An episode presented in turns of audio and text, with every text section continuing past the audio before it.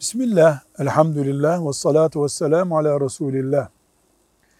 İlim Allah'ı bulduracak, insanı dünya hayatında imar edecek kaynak iken, ilim sadece diploması için elde edilmeye çalışılınca bazı sonuçlarla karşılaştık. Bu sonuçların başında amel erimesi oldu.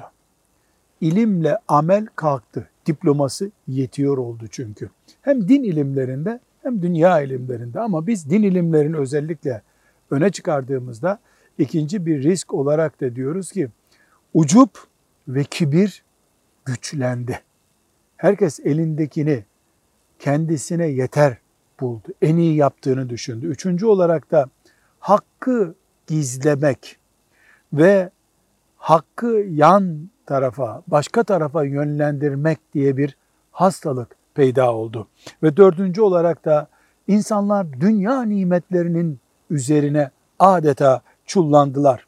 Ve beşinci olarak diyoruz ki Müslümanlar arasında tartışmalar, gruplaşmalar arttı. İlim onları tek beden gibi hareket ettirmesi gerekirken 40 parçaya böldü. Altıncı olarak da diyoruz ki Müslümanlar Allah'ın ve dininin etrafında, peygamberinin etrafında birleşmesi gerekirken şahıslar etrafında birleşmeye başladılar.